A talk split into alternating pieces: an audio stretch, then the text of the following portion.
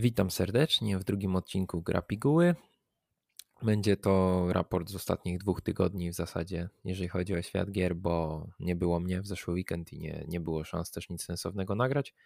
Nie miałem dostępu do swojego sprzętu, więc y, będzie to taki krótki zbiór, ponieważ te ostatnie dwa tygodnie raczej nie obfitowały w nic ciekawego. Znaczy, nie obfitowały w nic ciekawego, zależy jak na to patrzeć jeżeli ktoś chciał kupować konsolę PS5 w momencie premiery, no to zapewne wydarzyło się dla niego coś ciekawego, niezależnie od tego, czy mu się udało kupić, czy nie.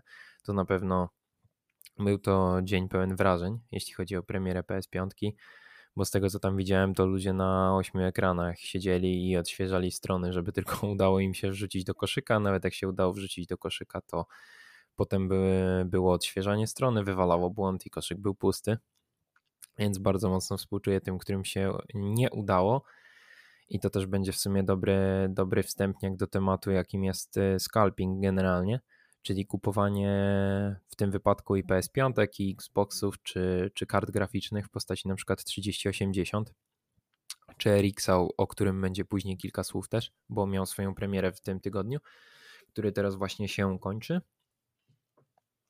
I jeśli chodzi o scalping, to powiem Wam szczerze tak, że ja nie mam nic do osób, które dokonują tego scalpingu, bo niestety, dopóki ktoś wyżej nie postanowi z tym czegokolwiek zrobić, to nic się w tej materii nie zmieni.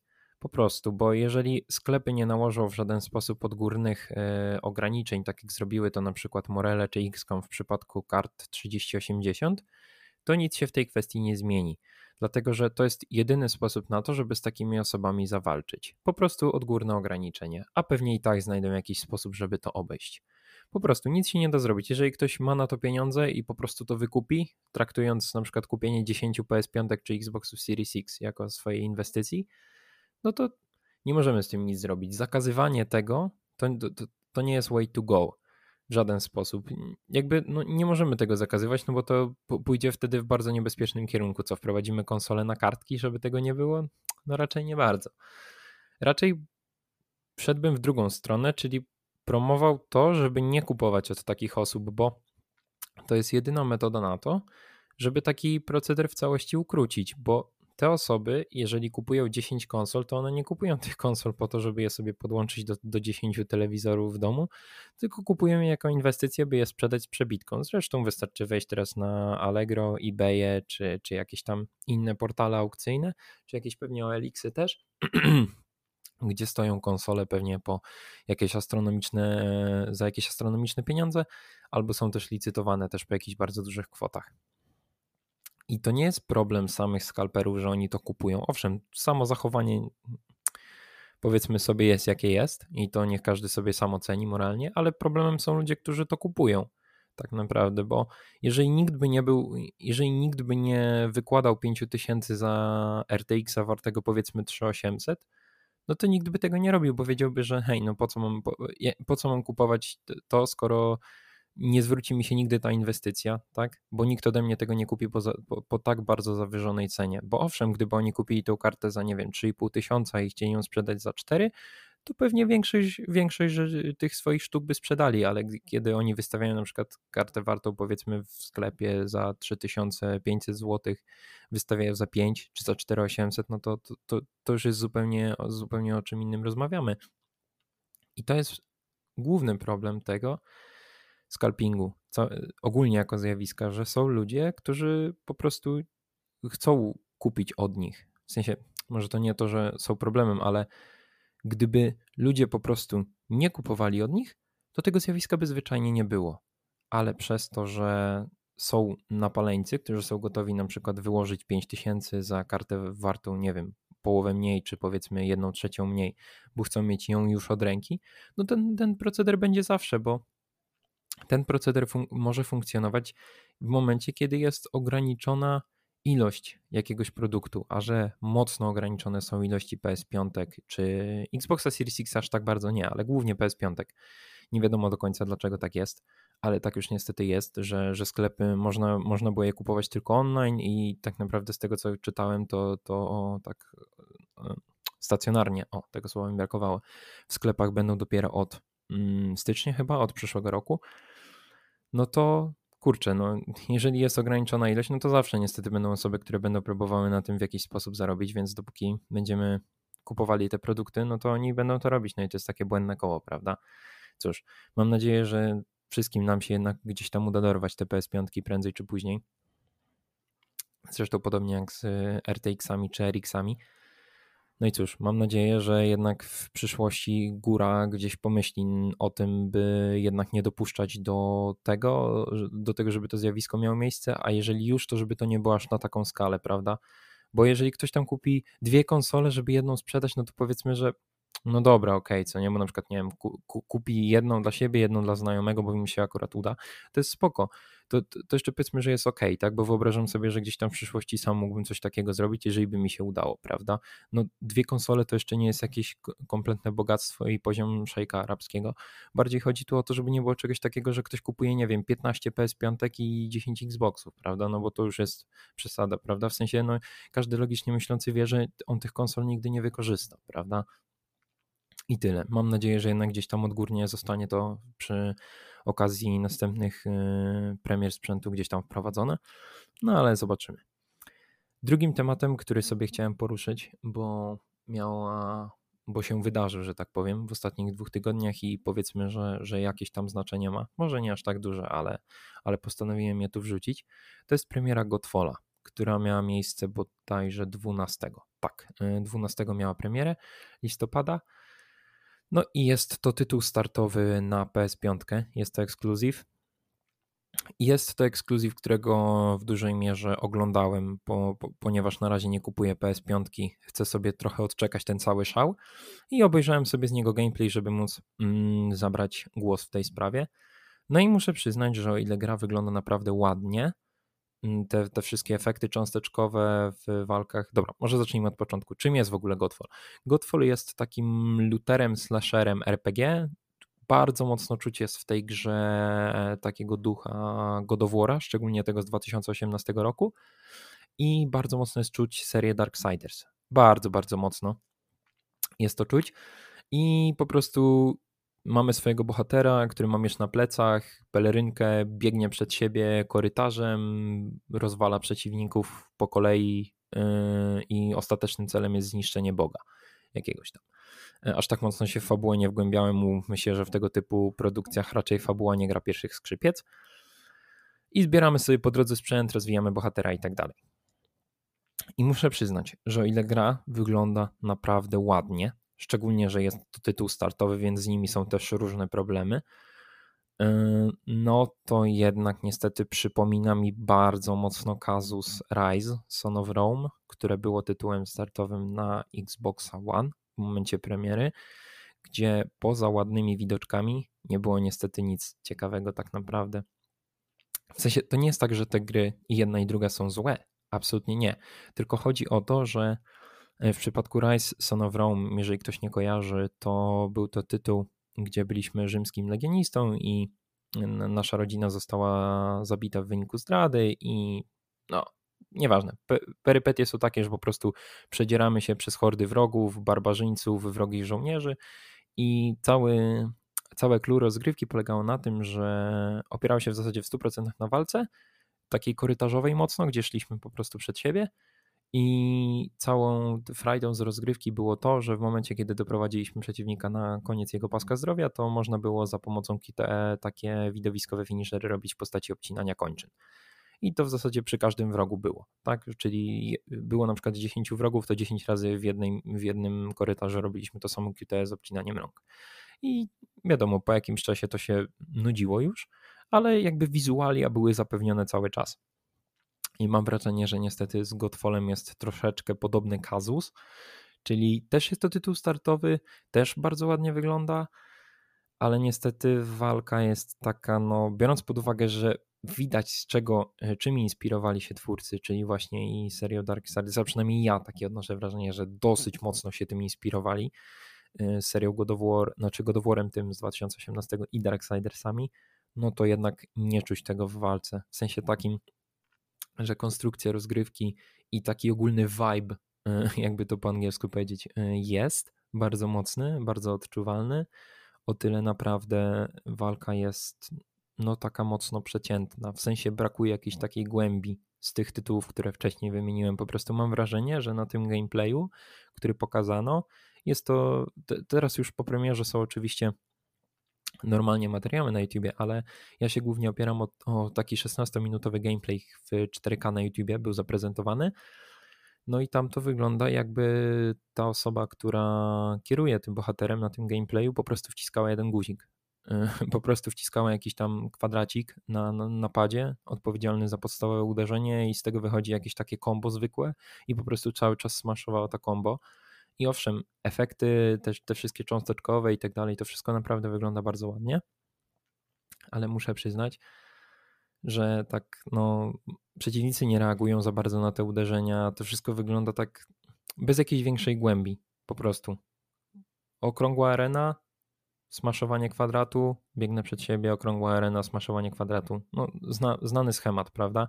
I mam wrażenie, że to jest trochę problem tej gry, ale liczę na to, że jak już uda mi się dorwać PS5 albo, albo już dotrze mój PC, to przetestuję tę grę i w następnym e, odcinku podcastu gdzieś tam w przyszłości się zreflektuję i stwierdzę, że ta gra to jednak jest 8 na 10 i moje guilty pleasure. Szczerze, mam taką nadzieję, bo lubię, lubię tego typu gatunki gier. Dobra, Temat następny z tego tygodnia, yy, chyba najbardziej aktualny, albo prawie najbardziej aktualny, to jest Demon Souls, premiera na PS5 ekskluzywa, czyli odświeżenia wersji z PS3 pierwszego, pierwszej części serii Souls. No i muszę przyznać, że sama gra wygląda pięknie. Jest ekstra. Nie miałem okazji grać w oryginał, więc się nie, nie będę wypowiadał na temat tego, jak yy, na temat porównania jednego i drugiego tytułu. Ale muszę przyznać, że to, co było najciekawsze chyba w premierze Demon's Souls, to jest tajemnica drzwi, ponieważ Bluepoint, które było odpowiedzialne za Demon's Souls, wrzuciło tam sekretne drzwi, do których nie dało się wejść po prostu. W sensie były zablokowane i trzeba było zrobić coś, żeby się je udało otworzyć. I tutaj małe backstory na początek. Bluepoint jest odpowiedzialny także za Shadow of the Colossus remake na PS4 i tam cała społeczność skupiona wokół Shadow of the Colossus, czyli z pozoru takiej prostej gry o pokonywaniu kolejnych przeciwników, jest ich 16 i tyle tak naprawdę. Jakby tam, tam nie ma dużo więcej do roboty. Yy, bardzo dużo sekretów było w tej grze. I ukoronowaniem yy, Bluepoint chciał jakoś uhonorować całą społeczność graczy poszukujących sekretów w tym tytule i w remake'u wrzucili 79 monet, które trzeba było zbierać i odblokowywały y, wtedy drzwi w jednej ze świątyń i tam leżał, był sekretny miecz za te monety. I Bluepoint, ojejku, przepraszam, postanowiło y, zastosować podobny zabieg w Demon Soulsach i wrzuciło monety do tej gry, które się dało zbierać. Y, bardzo dobrze się zabezpieczyli. Nie, nie, z tego co się orientuję, albo się nie dało, albo już się da. Wydaje mi się, że gracze, graczom już udało się odkryć jakiś glitch, który je duplikuje ale tutaj nie jestem pewien, bo ta sprawa jest bardzo, bardzo dynamiczna, jeżeli chodzi o odkrywanie. Mm, I trzeba było zbierać te monety, tylko w jaki sposób trzeba je było zbierać? W remake'u jest coś takiego, co się nazywa Fractured Mode. I co ten mode robi? Całkowicie odbija horyzontalnie nam grę. Czyli całą konstrukcję świata odbija, a dodatkowo naszego bohatera, więc nasza prawa ręka jest naszą lewą. Generalnie dla weteranów jak oglądałem streamerów, którzy specjalizują się w serii Souls, to nawet oni byli zagubieni. Także naprawdę wow. I po pierwsze trzeba być w tym trybie, a po drugie trzeba być y, na całkowicie złej karmie albo całkowicie dobrej karmie w tym systemie Demon Soulsowym, żeby móc w ogóle znaleźć tę monetę, a potem jeszcze ją dopiero odszukać de facto w jednej z pięciu lokacji, które są w grze. Generalnie, żeby, żeby zdobyć te monety potrzebne do wymiany na klucze do tych drzwi, trzeba się naprawdę ostro napocić i naprawdę bardzo dużo wiedzieć. Więc były też, było dużo bardzo spekulacji w związku z tym, co jest za tymi drzwiami. Ja sam szczerze liczyłem, zresztą tak jak podobnie wiele osób, wydaje mi się z tego community, że będzie to easter egg w postaci Elden Ring, y, czyli przedmiotu pierścienia, który będzie nawiązywał swoją nazwą do, do nadciągającej gry y, od From Software w otwartym świecie, ale niestety, ale niestety, dobra, może niestety, nie wyprzedzajmy faktów. Y, po zebraniu tych monet udano się, y, uda, trzeba się udać do jednego z postaci niezależnych i zrzucić jej te monety na podłogę. Ona daje nam klucz i za ten klucz otwieramy te drzwi. Za drzwiami jest Penetrators Armor i to jest bardzo duży y, czyli cały zestaw pancerza, który wygląda naprawdę bardzo dobrze. Wpiszcie sobie na YouTubie, jak to się prezentuje, ale mm, jakby cały wysiłek jest wart, dlatego że jest to świetnie wyglądający pancerz, a po drugie jest to bardzo duży ukłon w stronę weteranów serii, dlatego że wszyscy w, przy okazji premier, przy wersji na PS3 Demon Souls bardzo mocno spekulowali. Było bardzo dużo podchodów do tego, żeby ten pancerz znaleźć i były podejrzenia, że, że albo on był gdzieś ukryty, a, a jeżeli nie był, to społeczność bardzo by go chciała. Więc taki, takie puszczenie oczka w stronę fanów i generalnie cały sekret został bardzo fajnie zrealizowany i możecie sobie obejrzeć na YouTube jakby cały proces do tego dochodzenia i naprawdę świetna opcja. Bardzo, bardzo propsuję takie rzeczy i mam nadzieję, że tych sekretów w tej grze jest więcej. Dobra, przechodzimy sobie do punktu następnego i następnym jest taki krótszy news, który stwierdziłem, że podam, bo bardzo mocno interesuje się Twitchem, czyli Cyberpunk 2077 i jego opcja dla streamerów, która pozwoli wyłączyć komercyjną muzykę. Dlaczego to jest takie ważne? Dlatego, że na Twitchu funkcjonuje algorytm od jakiegoś czasu, który identyfikuje muzykę, która płynie na transmisjach live i tak samo na shotach na przykład sprzed kilku miesięcy czy sprzed kilku lat i jeżeli to, to jest muzyka objęta prawami autorskimi, to wjeżdża strike DMCA. Co to oznacza? Można wyrwać banicję za na przykład kilkusekundowy wycinek e, sprzed pół roku, na którym użyto na przykład kawałka jakiejś muzyki objętej prawami. I Cyberpunk wychodzi naprzeciw temu problemowi i pozwoli nie tyle co wyłączyć muzykę komercyjną, to jest też bardzo ciekawy zabieg, ale zastąpić ją inną muzyką, by nie tracić całego, by, by, by bardzo mocno nie zubożyć doświadczenia. A dodatkowo jeszcze w grze będziemy mieli 150 utworów stworzonych specjalnie na potrzeby gry, więc no, wydaje mi się, że muzycznie naprawdę będzie, będzie to stało na bardzo wysokim poziomie. I cieszę się bardzo, że mm, coś jest z tym zrobione, w sensie takim, że dostrzega się ten problem, bo naprawdę no, bany na Twitchu rozdawane są, w sensie te strajki DMCA rozdawane są na prawo i lewo. Taka ciekawostka. Jeden ze streamerów dostał strajka, ponieważ robił stream kulinarny i używał blendera i dostał y, bana za to, że ten dźwięk tego blendera został uznany za utwór objęty prawami y, autorskimi, uwaga, Skrillexa. Także to jakby ładnie obrazuje to, dlaczego to jest troszeczkę patologiczne. No ale to taki krótki news. Lecąc dalej, ten jest chyba najzabawniejszy z całego zestawienia, czyli Age of Empires 2, do, czyli klasyczek strategiczny, do którego dodano Battle Royale. Tak, to nie jest żart. Dodano Battle Royale przy okazji up, następnego update'u i jest tam 8 graczy, każdy z graczy dostaje dwie jednostki na start. Jednostki zaczynają od przejmowania kolejnych budynków, gdzie zdobywają jednostki. Standardowo oczywiście zmniejsza się kółko, które niszczy te, te budynki na swojej drodze i zbliża się do środka. Co jest ciekawe, mm, to jest to, że jakby przejmując te kolejne budynki, powiększamy swoją armię, musimy walczyć z kolejnymi graczami nie wiem, czy będzie więcej niż 8, jakby była pokazana tylko taka dosyć na trailerze była pokazana, pokazany gameplay z alfy, więc to wyglądało tak mocno chaotycznie i tak nie do końca jasne były te zasady, ale całość prezentowała się tak, muszę przyznać, że jak na Battle Royale w wersji RTS, to tak kurczę, całkiem okej, okay. w sensie wygląda to całkiem zabawnie, jak, jak tam, tam armia 10 żołnierzyków goni 5 żołnierzyków. Całkiem, całkiem ciekawie się to prezentowało, jestem, jestem bardzo zaintrygowany tym, jak to będzie wyglądało, jak już to ostatecznie wyjdzie. Następna rzecz, o której chciałem sobie troszkę pogadać, to jest premiera RX 6800 XT i 6800 od AMD. Nie jestem człowiekiem od sprzętu, więc będzie bardzo krótko.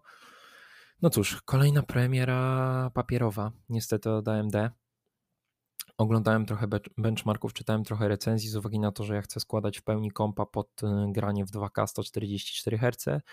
To chyba wybiorę 6800 XT, bo w tych wszystkich testach wychodzi lepiej od 37, 3080, co jest dosyć ciekawe.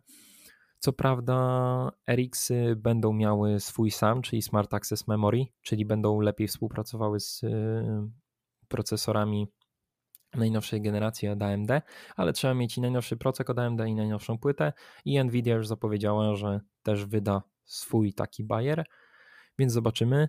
Ten wyścig technologiczny bardzo mi się podoba, jest mega na plus dla wszystkich tak naprawdę. Gdyby nie to, że karty prawie nigdzie nie ma, albo nigdzie nie ma.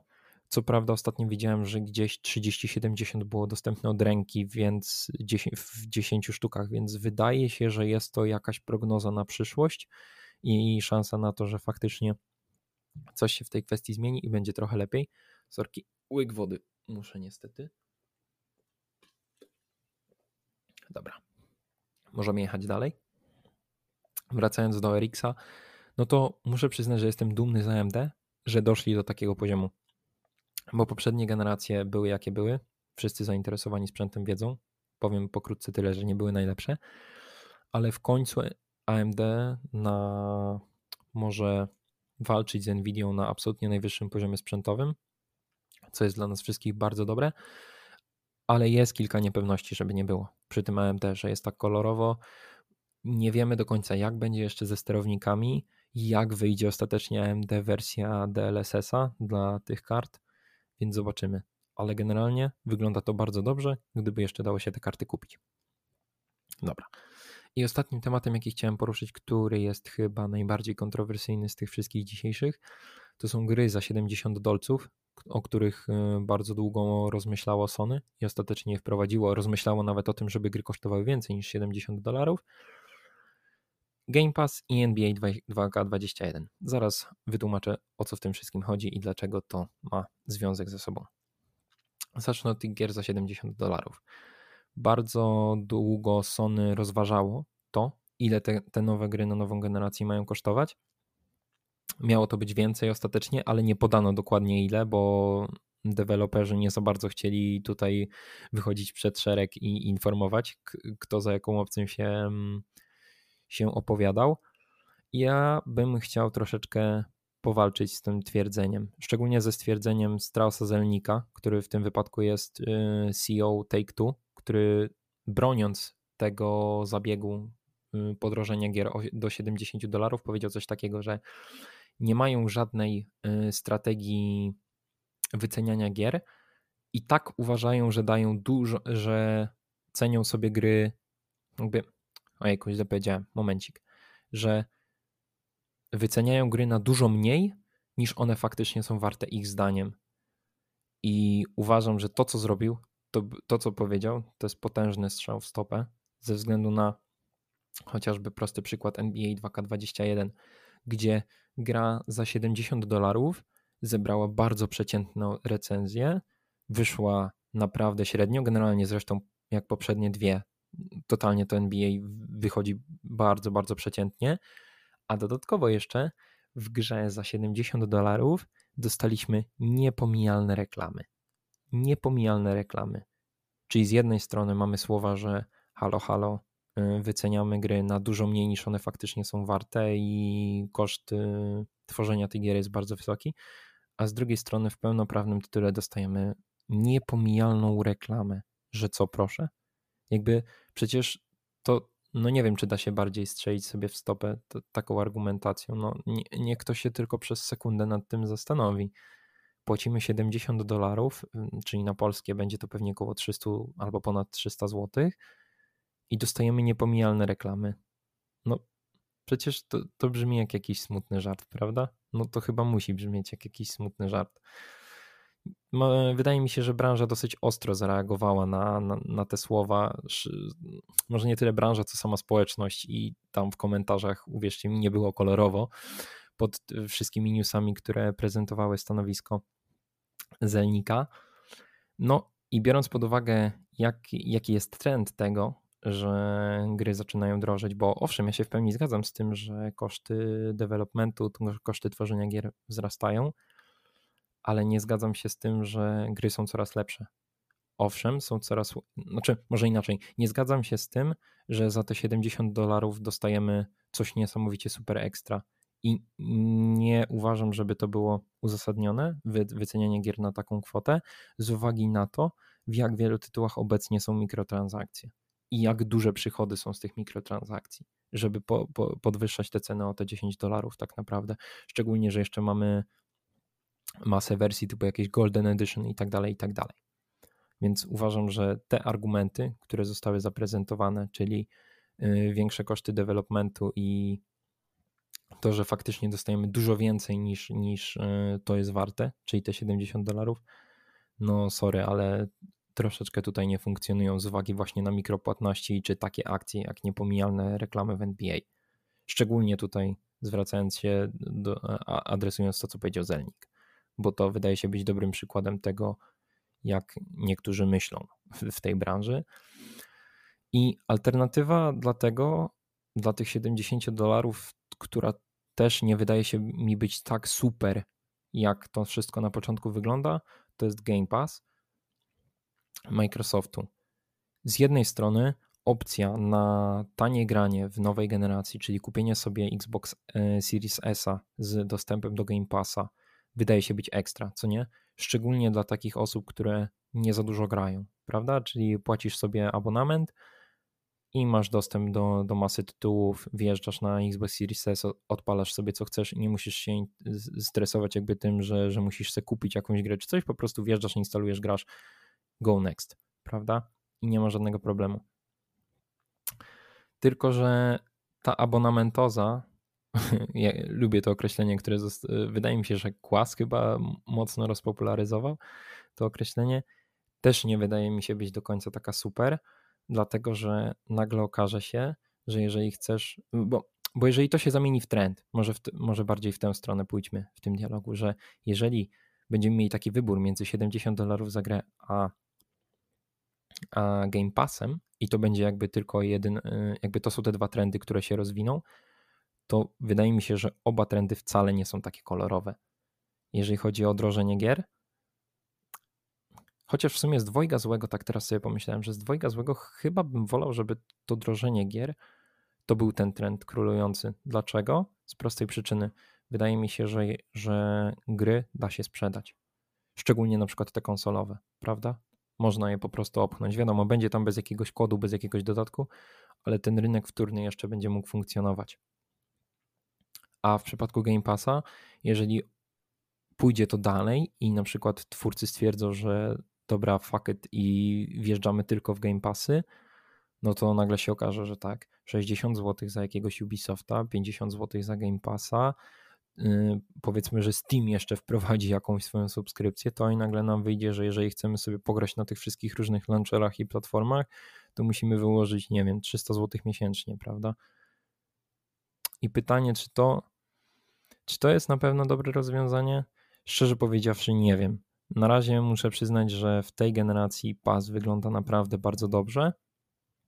Szczególnie postawiony w kontrze do tych drożejących gier pudełkowych ale no, nie jestem takim hura optymistą w kwestii rozwoju jednego i drugiego rozwiązania w przypadku gier. Nie jestem i bardzo i mnie ciekawi to, jak zostanie to rozwiązane w przyszłości, na przykład jak to będzie wyglądało za 10 lat. Powiedzmy sobie, czy, czy właśnie z miesiąca na miesiąc będzie nam odpływało, nie wiem, 400 zł z portfela i będziemy mieli 10 subskrypcji na, na, 6 plat, na, na, na 10 platformach, czy, czy będziemy kupowali gry pudełkowe po 80 dolarów za sztukę, czy, czy, czy 100 dolarów at this point. Jestem bardzo ciekaw. Mam nadzieję, że to co, to, to, co tutaj mówiłem, zabrzmiało logicznie i że przedstawiłem w, w, w miarę to sensownie i brzmiało to ok. No i cóż, mam na liczniku prawie pół godzinki. Mam nadzieję, że się podobało. Mam nadzieję, że te na, następne tygodnie będą bardziej obfitujące w jakieś ciekawe wydarzenia, a nie tylko bardziej ciekawostki. No i mam nadzieję, że, że nikt się nie obraził za te, za te częściowe opiniotwórczego, opiniotwórczy charakter podcastu, szczególnie w tej końcówce. Chociaż po Godfallu też troszeczkę pocisnąłem, ale tak jak mówię, mam nadzieję, że w kwestii Godfalla to się wszystko zmieni i że będę się w tę grę zagrywał jak w nic innego. No cóż, miłej niedzieli, poniedziałku. Nie wiem, kiedy będziecie tego słuchać. Generalnie miłego dnia. Trzymajcie się dobrze. Jeżeli chcecie się w, jak, w jakiejkolwiek sprawie skontaktować, o czymkolwiek pogadać, to zostawiam swojego maila w opisie. I cóż, wszystkiego dobrego.